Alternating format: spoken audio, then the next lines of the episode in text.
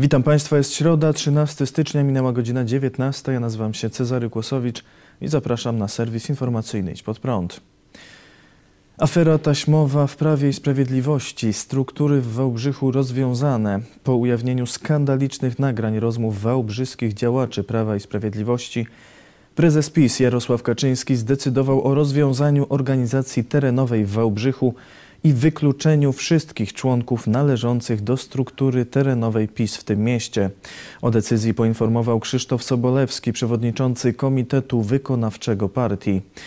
Na nagraniach ujawnionych przez wałbrzyską telewizję Dami Region lokalni działacze grożą swojemu koledze zniszczeniem za sprzeciw wobec nominacji w lokalnych strukturach. Mówią też, że są tak samo pazerni jak członkowie Platformy Obywatelskiej i SLD. Nagrania przekazał dziennikarzom Radosław Łosiński. Konflikt w lokalnych strukturach narastał od czasu, gdy szefowa okręgu Anna Zalewska została wybrana do Parlamentu Europejskiego, a jej miejsce zajął Michał Dworczyk. Na swojego zastępcę wyznaczył Kamila Zielińskiego. Część działaczy sprzeciwiła się tej nominacji i napisała petycję do Jarosława Kaczyńskiego w tej sprawie. Tego dotyczyła ujawniona rozmowa.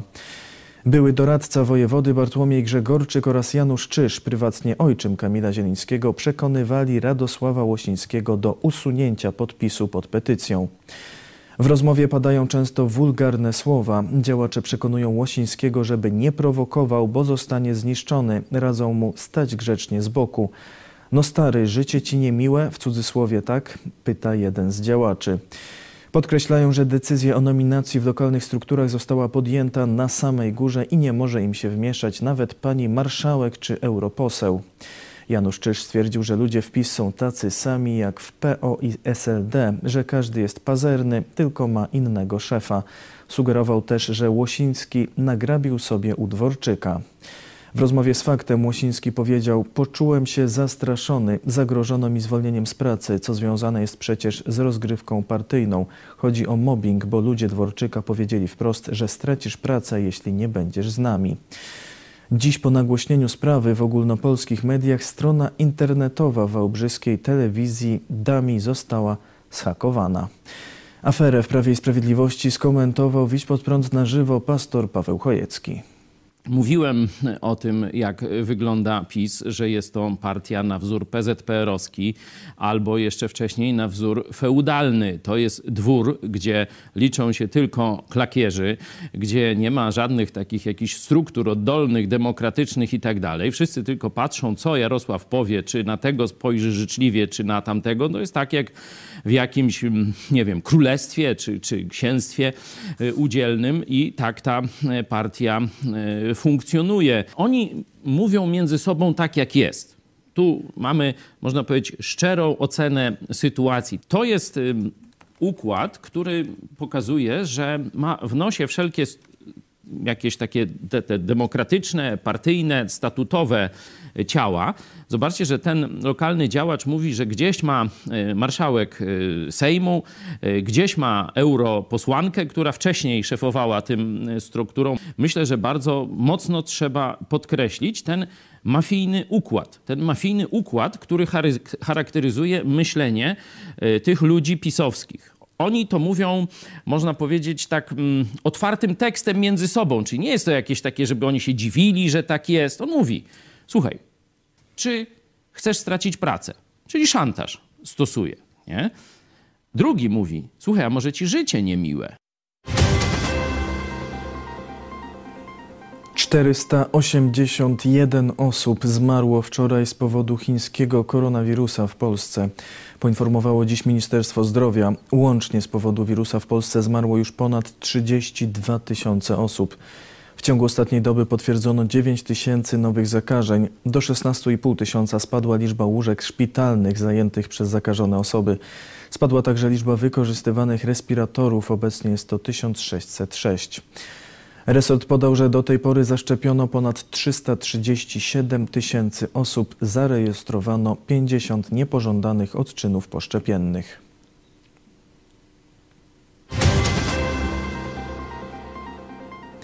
Szczepionka nie zmienia DNA człowieka. Naukowcy z Komitetu Genetyki Polskiej Akademii Nauk odpowiedzieli na dezinformację w sprawie szczepień.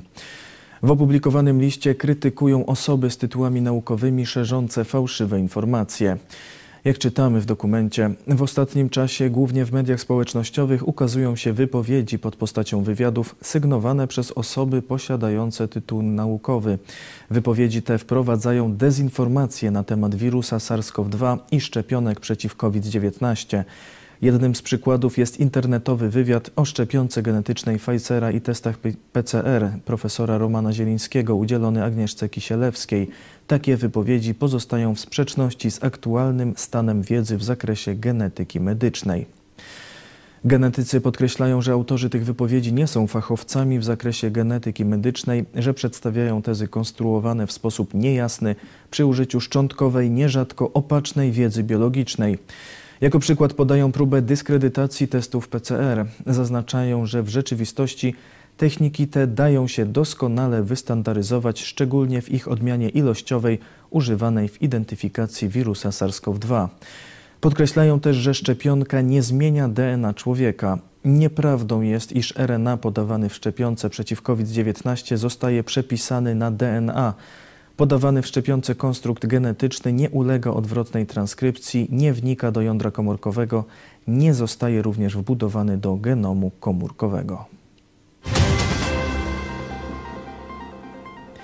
Badanie nad amantadyną rozpocznie się w lutym. Na początku lutego ma ruszyć rekrutacja pacjentów do badania skuteczności amantadyny w leczeniu COVID-19.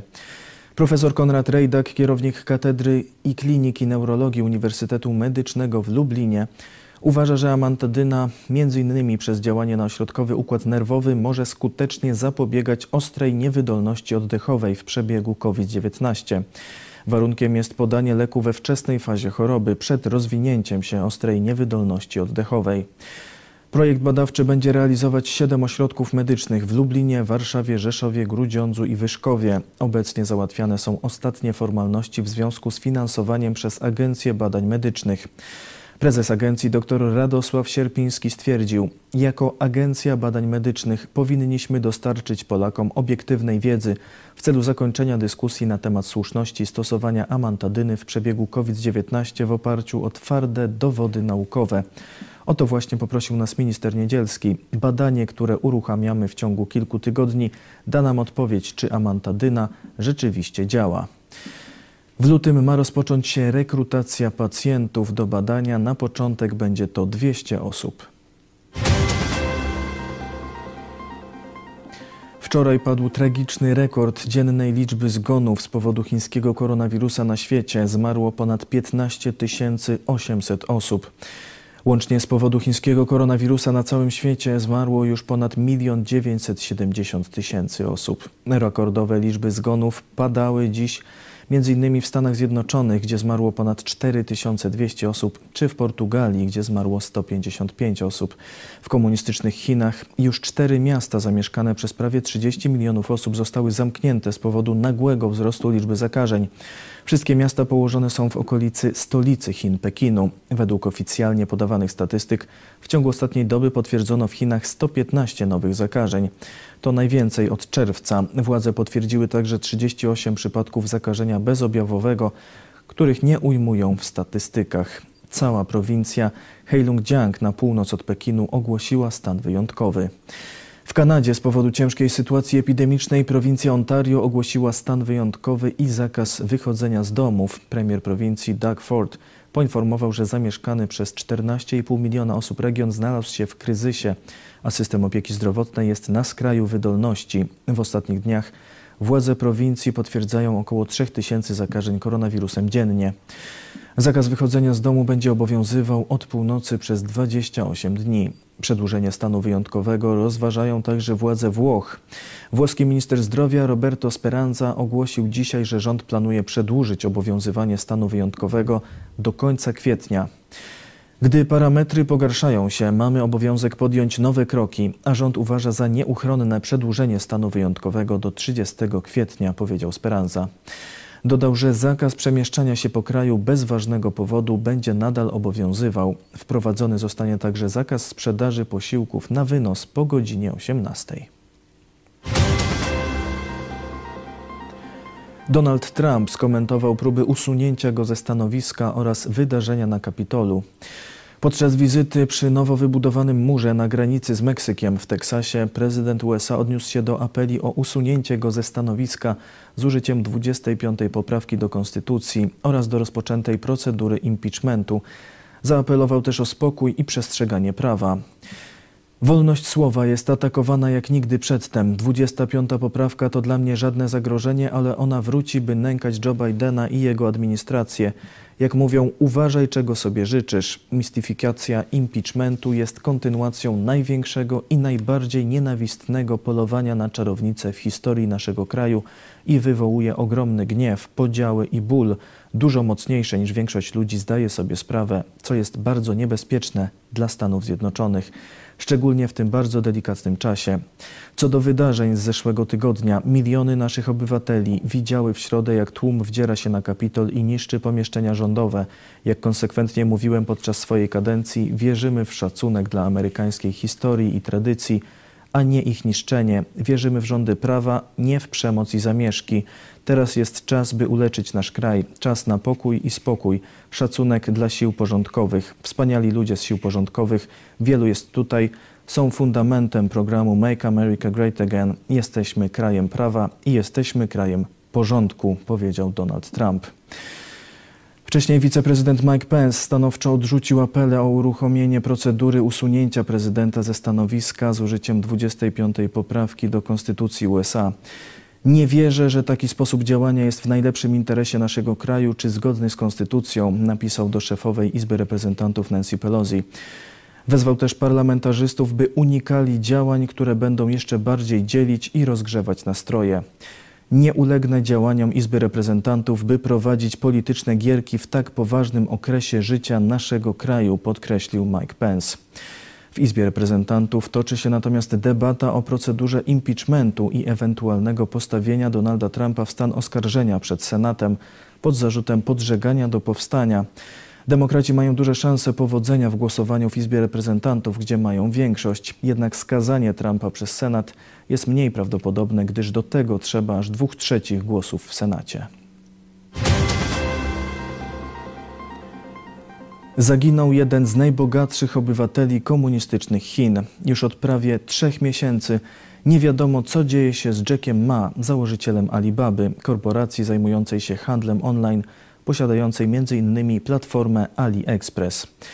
W grudniu władze chińskie ogłosiły, że wszczęły śledztwo w sprawie Alibaby, której stawiane są zarzuty prowadzenia nielegalnych praktyk monopolowych.